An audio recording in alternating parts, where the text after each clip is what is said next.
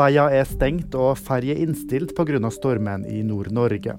Veitrafikksentralen melder om utfordringer i Finnmark, Troms og Nordland. Folk blir oppfordra til å sjekke veimeldingene og holde seg inne om en kan det. Anthony Blinken har håp for gislene i Gaza.